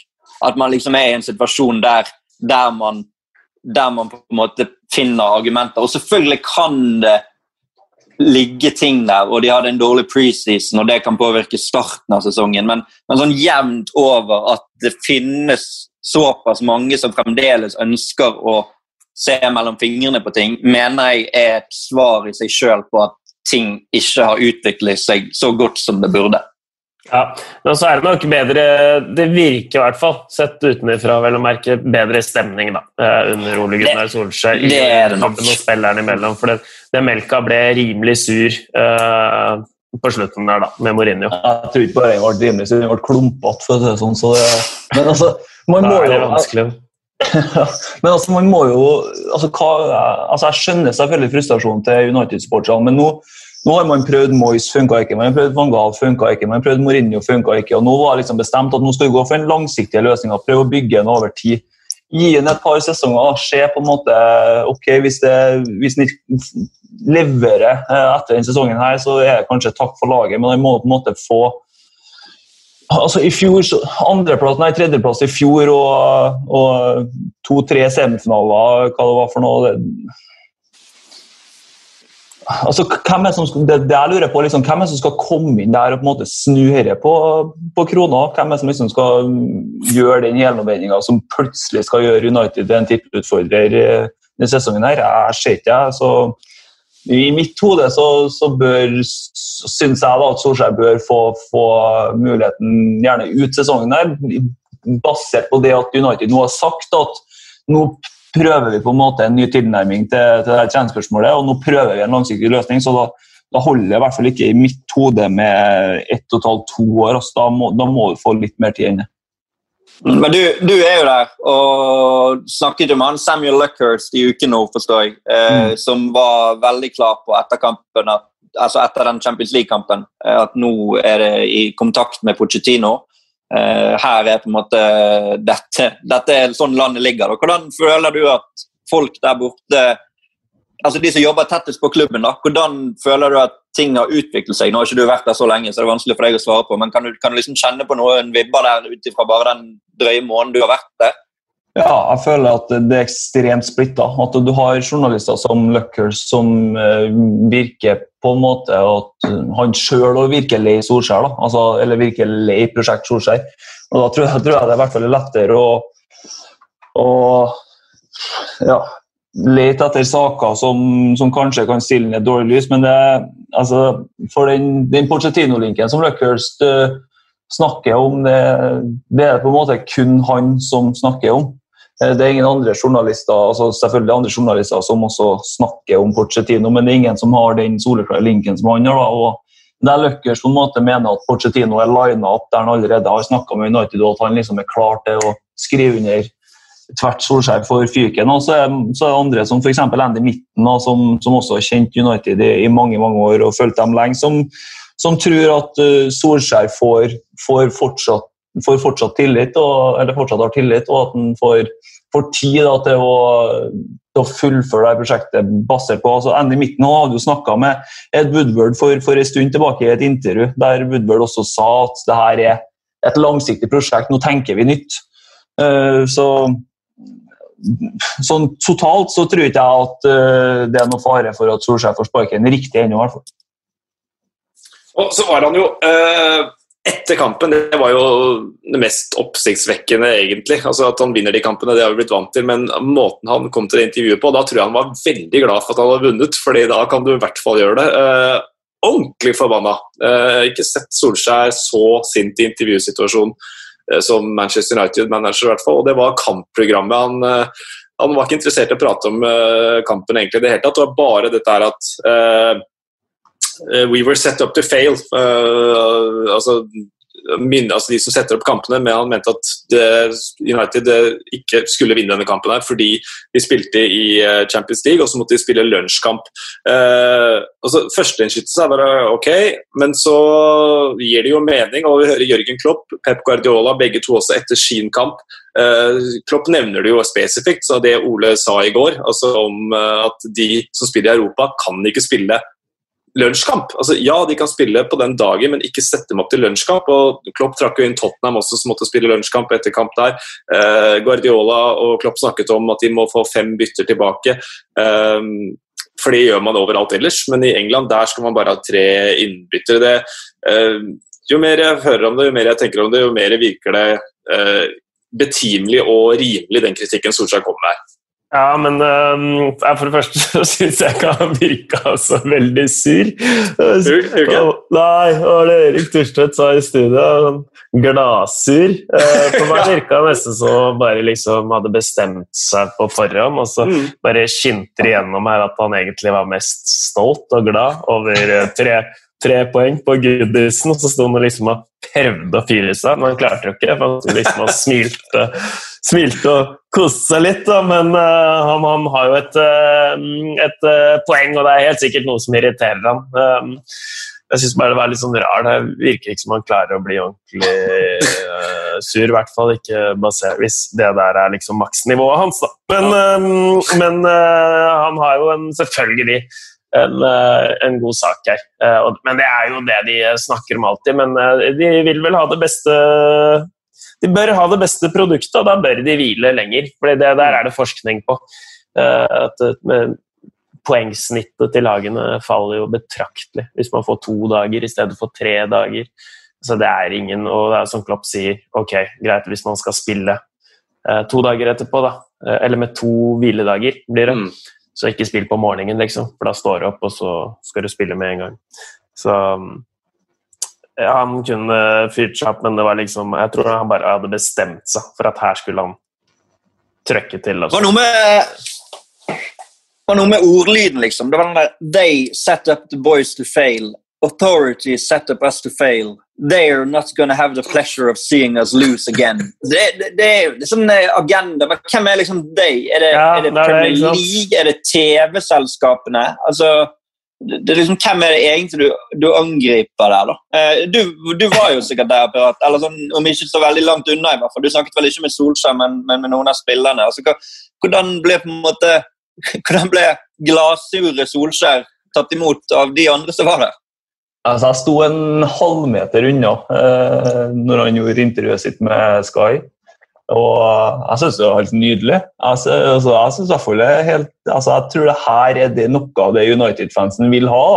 Altså, selv, selv, om det som sier Endre, at han, han, klarer jo ikke å bli helt sur. Han er jo gladsur. han er jo liksom, Det er helt merkelig når han blir forbanna. Men bare det å ha en manager som innimellom kan bli litt forbanna for noe, og liksom trør til og fortelle hvor skapet skal stå, det tror jeg er viktig for for United. Jeg tror i hvert fall da, de journalistene som sto i den provisoriske mixzone som var oppretta på, på, indre bane, her, at de syns det er artig å se Solskjær på den måten her. Så jeg tror folk, eh, meg sjøl inkludert, bare gossa seg egentlig. at det var, nei, det var fint. Jeg, jeg syns Solskjær har jeg synes Måten han snakker generelt med, med pressen på, er ja, jeg syns han, han, er flink i måten han prater med media på, men jeg savner akkurat det der at han har litt punch. da, At han kan være litt glasur innimellom. og Det, det tror jeg det er flere som har savna, kanskje.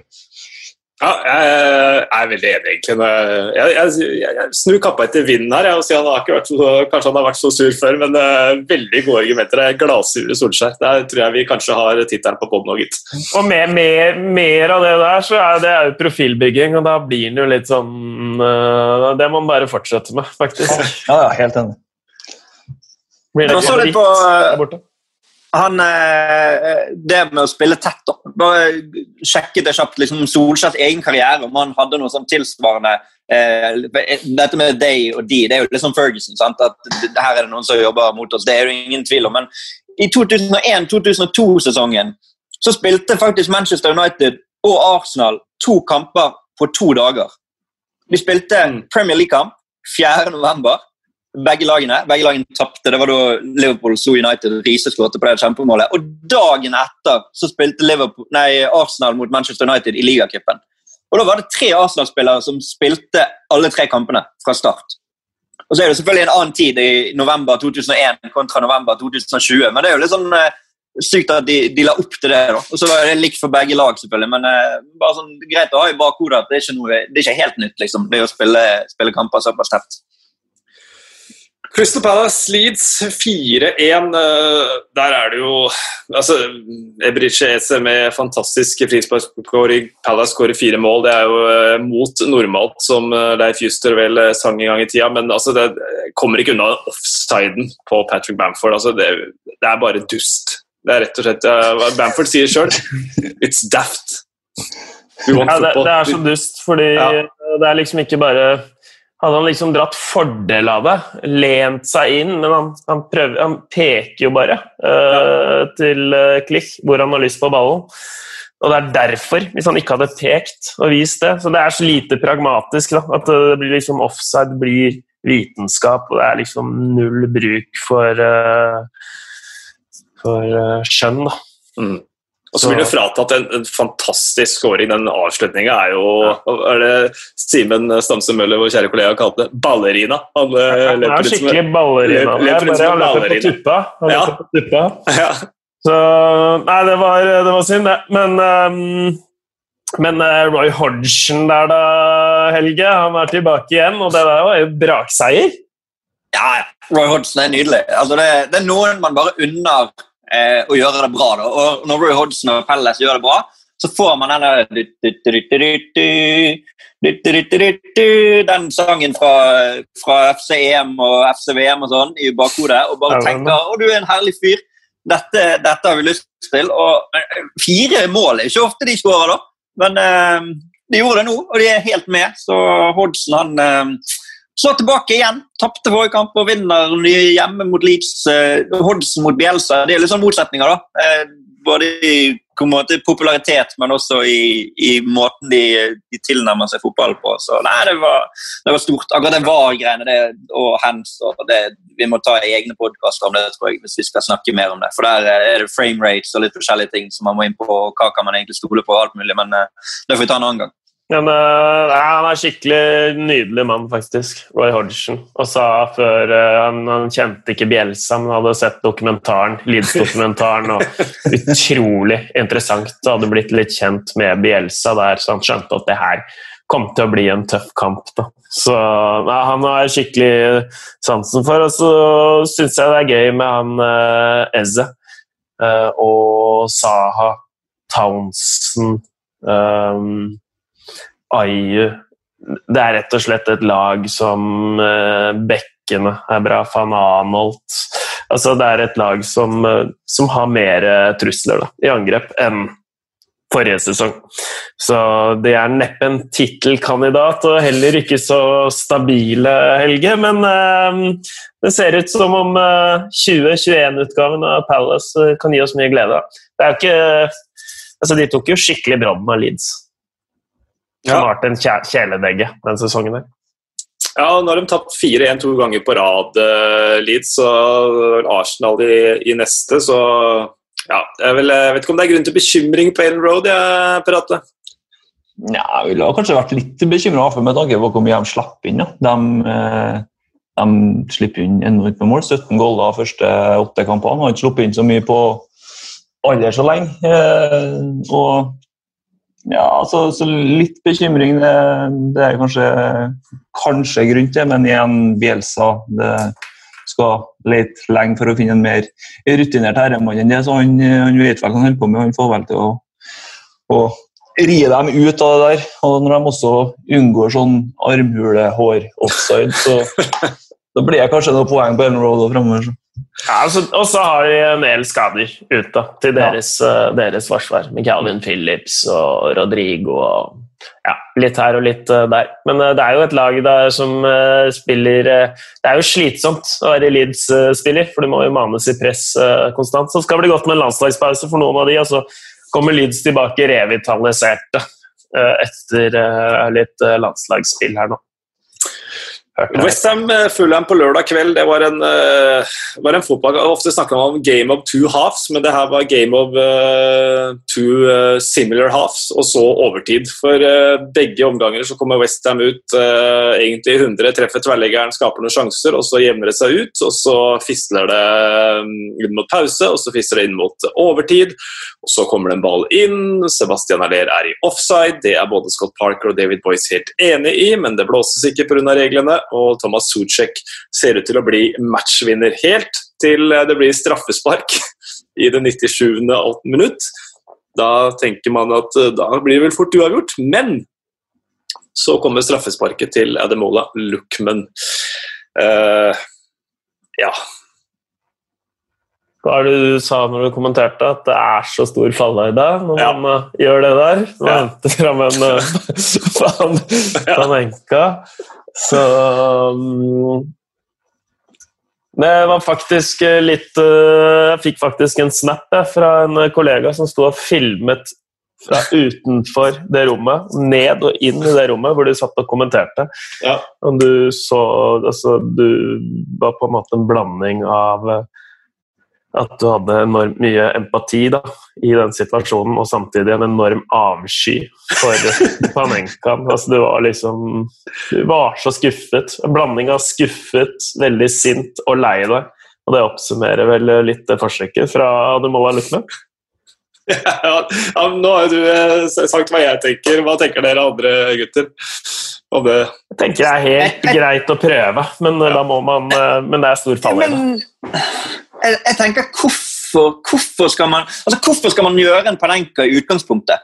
Altså, vurderingen må jo være er det den største sannsynligheten for å score med, eh, eller er det for å liksom få noe ekstra ved det? Og Sannsynligvis er det det siste. Hvis man vurderer det til å være den mest sannsynlige måten å score på, så må man i hvert fall være bedre til å utføre den enn han gjør der.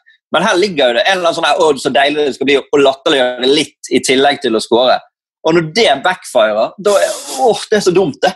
Eh, du, du, du, gjør jo ikke dummere ting enn det. Så prøvde jeg å tenke sånn, Har han noen, noen grunn til at han skal gjøre dette mot Westham? Liksom? Altså, Ademola Luckman, har han noen liksom, grudge mot de? Jeg klarte ikke å finne noe der. Han er jo fra Charlton som er liksom, i hvert fall i London. er det noe der, Men nei, jeg klarte liksom ikke å se nei, Det er helt, det, er så meningsløst. Oh, hadde jeg vært Fulham-supporter der, jeg vet ikke hvor jeg skulle gjort av meg. Altså, det, du, du, får muligheten til å få et gratispoeng, og så bare kaster du det fullstendig ut av vinduet på den måten der. Nei, det, det, det, viser jo bare hvor, hvor urutinert han er. Da. Det, er jo ikke, det er jo egentlig ikke han som skal opp og ta straffesparket her, og så har Mitrovic litt litt vondt i orsken og vondt her og der, og så blir jeg på en måte han. og så det der er sånn du gjør på 3-4-0, liksom. Det, da kan du prøve det. Men um, når du ligger nede i sumpa her og kjemper liksom, med nebb og klør for å holde deg flytende, da, da gjør ikke du det der åtte minutter på overtid. ass. Dæven, har jeg vært uh, Scott Parkley i garderoben der, da tror jeg jeg revna. Ja, det, det tror jeg han gjorde også.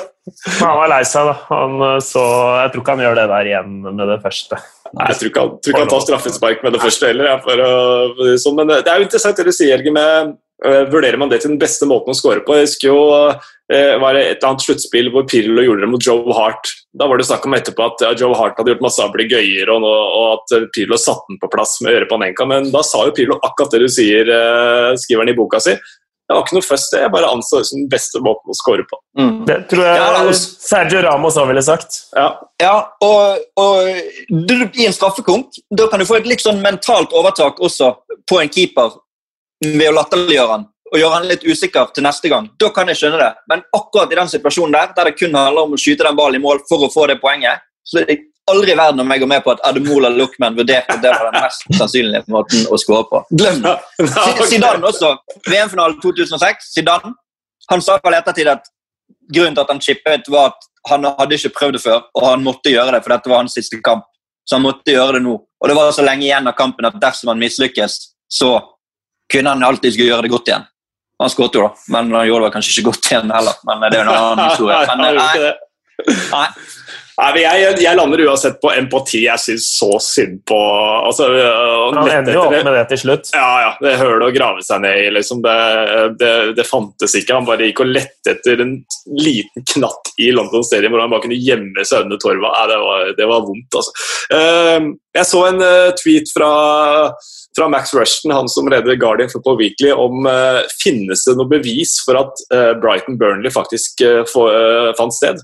Uh, og det er jo egentlig oppsummerer vel den kampen. 0-0 uh, starta runden. Uh, Brighton som vanlig uh, gode spillemessig, skaper en del målsjanser, skårer ikke mål. Burnley uh, en i tverrliggeren tidlig. er det noe som brenner inne med noe voldsomt fra den kampen? På flesteparten som fulgte den kampen, fulgte den via Twitter fordi de fulgte med på presidenttellingen i USA samtidig. Og ja det var på en måte det mitt innspill i den debatten der. Brighton kommer til å slite. Det har vi sagt hele veien. De, kommer, de er kjempegode, men de får ikke med seg nok poeng ut av det, og da blir det tøft. Ja, de har vært snakket opp uh, lenge nå. Det er min, min kjepphest. De, jeg syns ikke de er noe imponerende. De spiller kanskje fin fotball, jeg syns ikke det er så Det er ikke så utrolig fint å se på heller når de ikke får uh, Sjelden de får poeng. Jeg syns det er sånn halvveis pent, liksom. Men det er ikke pent nok til at de ikke skal få poeng, og det er ikke pent nok at, de skal, at eh, Graham Potter skal fullroses som et uh, fotballgeni heller. Nei, Det er mitt innspill. Det er et veldig godt innspill, og Norwich holdt jo på på samme måten forrige sesong. Vi så hvordan det gikk. Så et er obs for eh, Brighton. Og så er Burnley Burnley med, med Sean Dyche. Eh, Det var den. Eh, Vi skal ta ett et lite et veldig et kort svar på det hvis det er mulig. FPL Andreas spør på Twitter hvorfor samles spillere fra forskjellige lag for å reise rundt og spille landskamper midt i en pandemi, og tror du det er fare for at PL-sesongen blir avlyst, satt på vent igjen? Eh, Det er jo to spørsmål i ett. da. Hvis vi tar det siste først, Peratte. Vi snakka om det forrige uke. Har det vært noe utvikling eh, eh, med hva folk tenker om, om, om frykt for at PL-sesongen kan bli satt på vent igjen? Nei, det fryktes ikke. Det, det som jeg snakket om nevnt sist, òg, det er omtrent ikke tryggere plass å være i England enn på en fotballstadion. Det tror jeg eh, myndighetene og de som styrer er enige i. Så jeg frykter i hvert fall ikke for at den blir utsatt igjen. Nei. Og hva med dette med landskamper? Vi ser at lokale helsemyndigheter i Italia nekter en haug med spillere å slippe klubbene sine til, eh, til landskamper. Eh, Ja, veldig kort. Eh, Vi har jo ikke noe herre... Vi er ikke noe, har ikke noe hva skal jeg si, slagkraft her, men for meg så virker det høl i huet, for å være ærlig. Ja, jeg er helt enig at det hører du er spesielt. Spesielt når du skal begynne å dra inn venn, vennskapskamper i landslagssamlinga i tillegg. Mm. Da blir det, blir det liksom borti natta, men eh, sånn er det. De spillerne er bare, bare brikker i et, i et større spill, så de, de skiter vel egentlig i helsa til spillerne, de som sitter og teller, teller kroner. også. Så det virker i hvert fall sånn. Ja. Jeg syns du kvitterer ut der, jeg. Eh, Da tar vi de faste spaltene fort og gæli. Det var moro å se på. Morata var kjempegod. Hva i all verden? Er. Han snakka ikke om seg sjæl, han snakka om dommeren. Kan begynne med kaktusen. Sindre Hangeland mener at Lookman vinner den greit. Soleklar kaktus. Eh, jeg har jo vært en forkjemper for eh, å kaste folk under bussen tidligere, men ikke ved dette tilfellet her. Jeg syns ikke han, at kaktus han har fått nok, nok tyn nå. Og det er større spillere som har bomma på Panenka før. Eh, det er mye, men uh, har du noen andre forslag til kaktus? Det er jo en ekstremt fin fyr, da. Men med stort hjerte. Um, Men da må man jo komme opp med et alternativ, da. Ja, det er sant. Det har jeg ikke. Jeg har et alternativ for at uh, vi har Unnskyld at jeg lo så høyt. Ja, men altså, den, den holder på med igjen på, mot United på Gudesen her. Den situasjonen mot Terry McCoy. Vet du hva, jeg blir bare så åh, jeg blir så kvitt. Så det, hvis du skal ha et annet forslag enn Lookman, så får det, må det nesten bli han fra min side. i hvert fall. ja, jeg tar imot med takk. Alt for å unngå Lookman her. Støtter den sjøl, Pickford? Nei, jeg har, jeg har ingen, ingen forslag. Hvis ikke man skal gi kaktus til Luckman for det, da kan man aldri gi kaktus til noen for idioti. Og hvis man ikke kan gi kaktus for idioti, så er det ikke vits i å gi ut kaktus. Det er min eh, innstilling til akkurat det der. Det er på en måte Pickford der um, mot United eh, Det er jo på en måte litt sånn keepernes Panenka. Han skal liksom på død og liv holde ballen i spill inne på banen. Kunne liksom bare sluppet den enkelte greit ut, men så skal man bare ut og være fet, da. ja, ja. Har liksom ingen ja. Det er kun, eh, kun en bakside, da. Ja. Nei, jeg ser, eh, jeg ser poenget ditt også, Helge. Det er jo idioti. Men, men jeg kan det, altså. Han Ja, må egentlig få den. ja, han, må, han må jo egentlig det. Ja.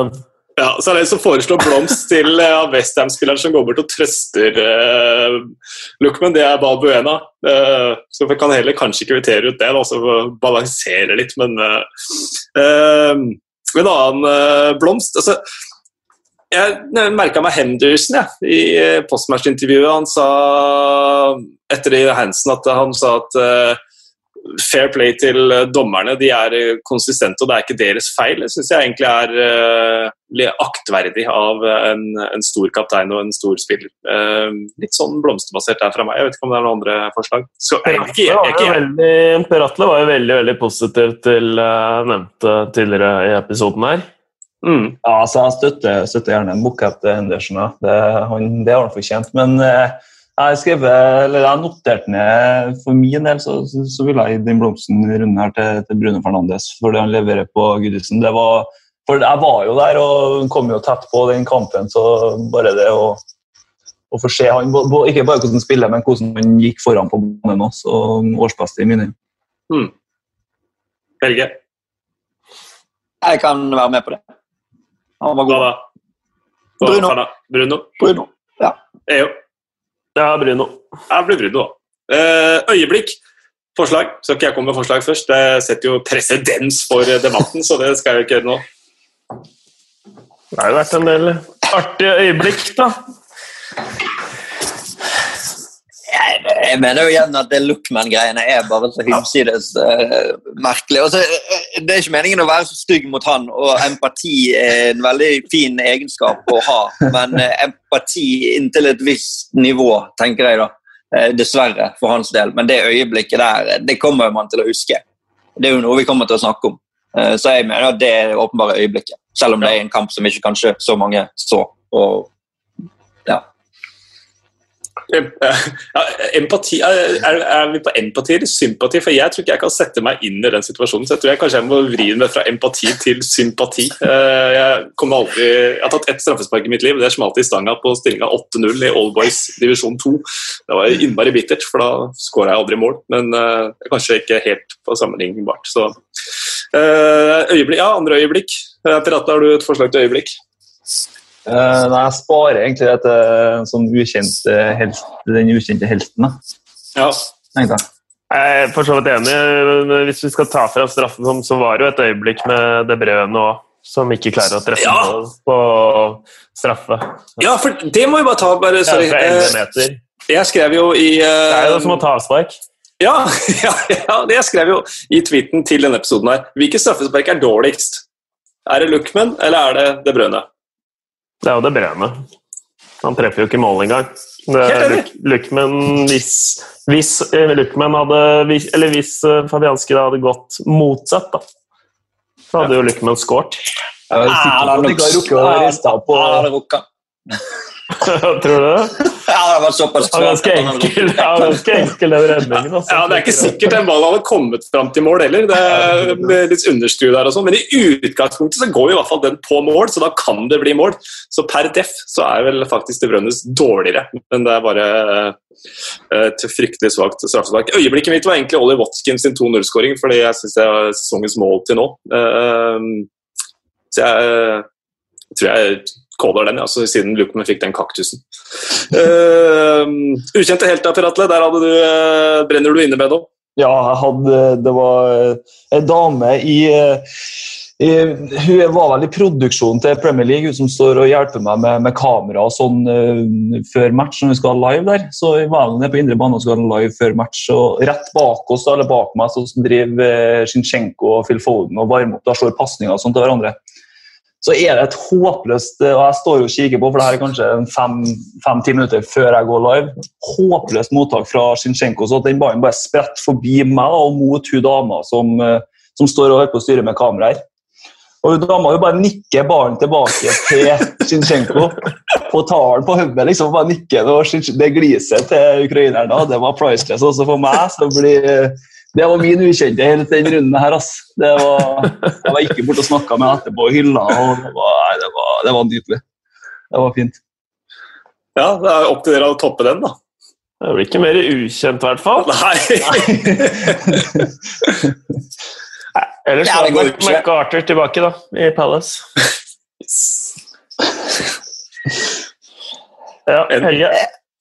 Ja, nei, det går, det går ikke an å toppe den, eh, den historien til Per Atte der. Så jeg, altså, jeg hadde skrevet ned Luke Thomas, som var kanskje den mest ukjente spilleren som spilte på laget som leder ligaen. eh, og har spilt de to siste kampene og vært ganske decent. Så det var mitt forslag. Men eh, Per Atle må jo vinne. Ja, eh, Det har blitt såpass langt dette her at vi dropper fem kjappe. Vi tar bare én kjapp. Eh, Helge, er Leicester stabile? Ja. Endre Olav, er Leicester Svarte han ja nå? Ja, han svarte ja!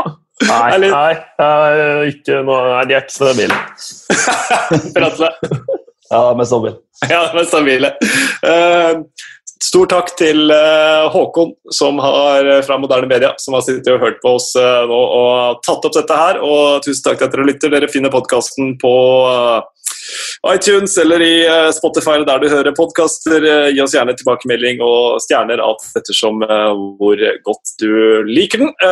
Vi er tilbake etter landslagspausen. Da tar vi for oss tittelracet så langt. Men eh, nå tar vi Premier League en liten pause, så eh, vi er tilbake med en rundeoppsummering etter neste runde. Takk for at du lytta. Ja, umiddelbart etter at vi stoppa å ta opp, eh, så begynte vi å evaluere episoden. Det viser seg at det var litt, eh, litt, litt prematurt for eh, programleder. Eh, altså jeg som skal holde styr på dette, har ikke gjort jobben min. Nei, det var en kjempeglipp. Det er en stor ripe i lakken, og vi risikerer jo å få en del eh, Chelsea og Sheffield United-supportere på nakken. Ja, og Den risken er jeg ikke villig til å ta. Derfor så kaster vi oss rundt nå og, og snakker eh, litt om eh, Chelseas meget solide 4-1-seier over Sheffield United. David McGoldrick som ga ga gjestene ledelsen etter 23 minutter. eh, Styrte et Sander Bergeskudd i mål, og han skårer jo bare mot eh, Chelsea. Det er vel tre av fire mål han har mot den eh, klubben der. Men så svarer Chelsea ganske kjapt for både 1-1 og 2-1 før pause. Og så er det Chilwell, han som setter 2-1. Thiago Silva, som var meget god i denne matchen, gjør 3-1. Og Timo Werner han har virkelig fått opp farten nå. Men hovedaktøren utpå her, eh, det var Hakim Siers. Han var, Hakim Siers, Ja. han var meget god. Ja, han var det, han var det. Men han er veldig god òg. og nå er han eh, endelig i Premier League. Har vært linka egentlig lenge til eh, ulike klubber i, i Premier League i flere år nå. Eh, så moro at uh, han har kommet uh, inn, og at han er jo, tar jo det nivået umiddelbart. Uh, og han var jo så Jeg vet ikke om du fikk med intervjuet med han etter kampen. Uh, Ah, som i hvert fall intervjuet ham da, for Sky, var det vel Det var bare så åpenbart starstruck da, av uh, Så bare, Hvordan har det blitt så god? Er det virkelig så lett? Altså, det var bare en sånn dyrking da, av uh, Men uh, herlig venstrefot, uh, og mm, det er en poengspiller. Enkelt uh, og greit. Så truffet bra på signeringene her nå, nå Chelsea. Nå er jo liksom brikkene um, man savnet fra i fjor, eh, på, i ferd med å komme på plass. De har fått en keeper, og Forsvaret har de jo landet på nå, virker det som. At Frank Lampard har landet på sin beste firer, og så Hakim Ziyech og altså Det er jo mange gode foran der, men det har jo vært selvfølgelig et tomrom å fylle etter Edna Eden Hazard. Ja, og det ser han ut til å fylle med, med bravur, eh, Hakim Ziyech. Og ja, eh, det var, Simen som nevnte det i studio, at han var på en måte litt den glemte i den der gylne Ajax-gjengen. altså Donny van de Beek kom jo til Premier League nå, Frenkie de Jong gikk til Barcelona, Matais de Ligt til, til Juventus, og så fikk Hakim Siers fortsette et år til i Ajax før Chelsea plukka han opp. og Kom litt seint i gang pga. skader, men eh, du verden for en spiller. og jeg tror, Som du var inne på, Eden Hazard, eh, de parallellene der kommer til å trekkes ganske kjapt om man fortsetter sånn som det her.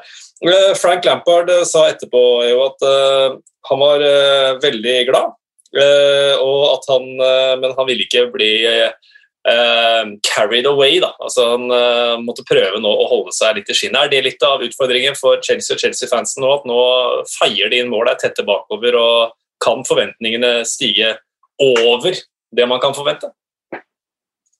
Ja, jeg har ikke sett på de som noe sånn eh, Altså, Selvfølgelig, de bør jo ligge der oppe med tanke på de investeringene med det angrepet, men det er liksom sånn lagmessig så har de ikke sett ut som en tittelutfordrer for meg da, før nå uh, helt i det siste. Og de har blitt, eh, det er jo som Frank Lampard sa, at det ble en tøff åpning på, på serien, eh, nei, men så, på sesongen, men eh, så de, har de kommet mer og mer inn i det, og det tar litt tid. eh, for Chelsea denne sesongen, men nå, nå ser de bra ut. De har god utvikling, er det ikke det man sier? Du er jo det, er, Viktig, viktig med god utvikling. Er, det er jo det i bånn, vet du. Og det er klart at uh, det alltid var kjedelig å sette karakterer, for du ville bare se hvordan, uh, om, om, man klarte å forbedre seg fra gang til gang, og se utviklingen og progresjonen. Og det er jo klart, det er, det er jo ikke det vi vil høre når vi hører uh, manager prate, men jeg er med på det. De, de jeg vil si ikke, ikke tittelutfordrer, men hvis de fortsetter den gode utviklingen, så kan de bli det. ja, det er bra. Og uh, Avsluttende poeng på Siers var jo at uh, Lampard sa jo han har uh, selvtillit og en, en, positiv arroganse ved seg. Det er godt oppsummert uh, rundt. Ja, det, det, er jeg enig i. Det er jeg enig. Han Du så det på intervjuet òg. han holder blikket opp og Det er vel det vi kaller swagger, er det ikke det? Jo. Den? Jo, jeg er enig i det. Veldig Litt som Bruno Fernandes-swagger eh, over seg? Ja, ser lett ut, rett og slett. Ja. Uh, helt til tamp uh, på slutten, Sheffield United da har de tolv uten seier. altså Hvis vi tar med forrige sesong, De vinner ingen dueller, de vinner ikke fotballkamper, de skårer ikke mål. det er bare to lag faktisk som har holdt seg med ett poeng etter åtte kamper. Det var Southampton i 99 og Sunderland i 2014. er det eller spørsmålet er, er, spørsmålet er, ikke om det er grunn til bekymring, men hvor stor bekymring er det grunn til å ha for Sheffield United-fansen? Nei, eh, Du sa vel eh, forrige uke at det var ganske god grunn til bekymring? Ja. Sa du ikke det? Jo, jeg tror det. Det har ikke blitt noe mindre, men eh, de kan jo trøste seg med at Fulham, Westham, Burnley og Nei, Fulham, West Bromwich, Burnley heller ja. ikke er så veldig gode, da. Men så det er jo en, noen lag i bunnen der som sliter, sliter veldig. Mm. Men uh, det ser jo ikke bra ut når de ikke evner å vinne fotballkamper. Men det er to andre lag blant annet, da, som heller ikke har vunnet ennå. Ja. Og så kan vi ta med Brighton i den miksen der også. At, eh, så ja. det, er, eh, det, er, lenge igjen til jul og det er lenge igjen til mai. Så selv om det ser litt stygt ut nå, så kan det, kan det fort snu. Da fikk vi, fikk vi snakka litt om de laga og Edre. Det var bra, det. Var bra, det. Viktig, det. Viktig. Meget viktig. Det er ikke ofte det er overtidsinnspilling på pod, men uh, det, Dytt inn i overtiden. Det, det her er Adomola Luckman, liksom. Jeg håper bare vi klarte oss bedre enn han. Det får være, det må, det må være håpet. Og så Hvis vi ikke gjorde det, dere der ute, da kan dere velge som uh, sympati som meg, eller slakt som Helge, alt ettersom. Men det skal jeg la være opp til publikum. Takk skal dere ha.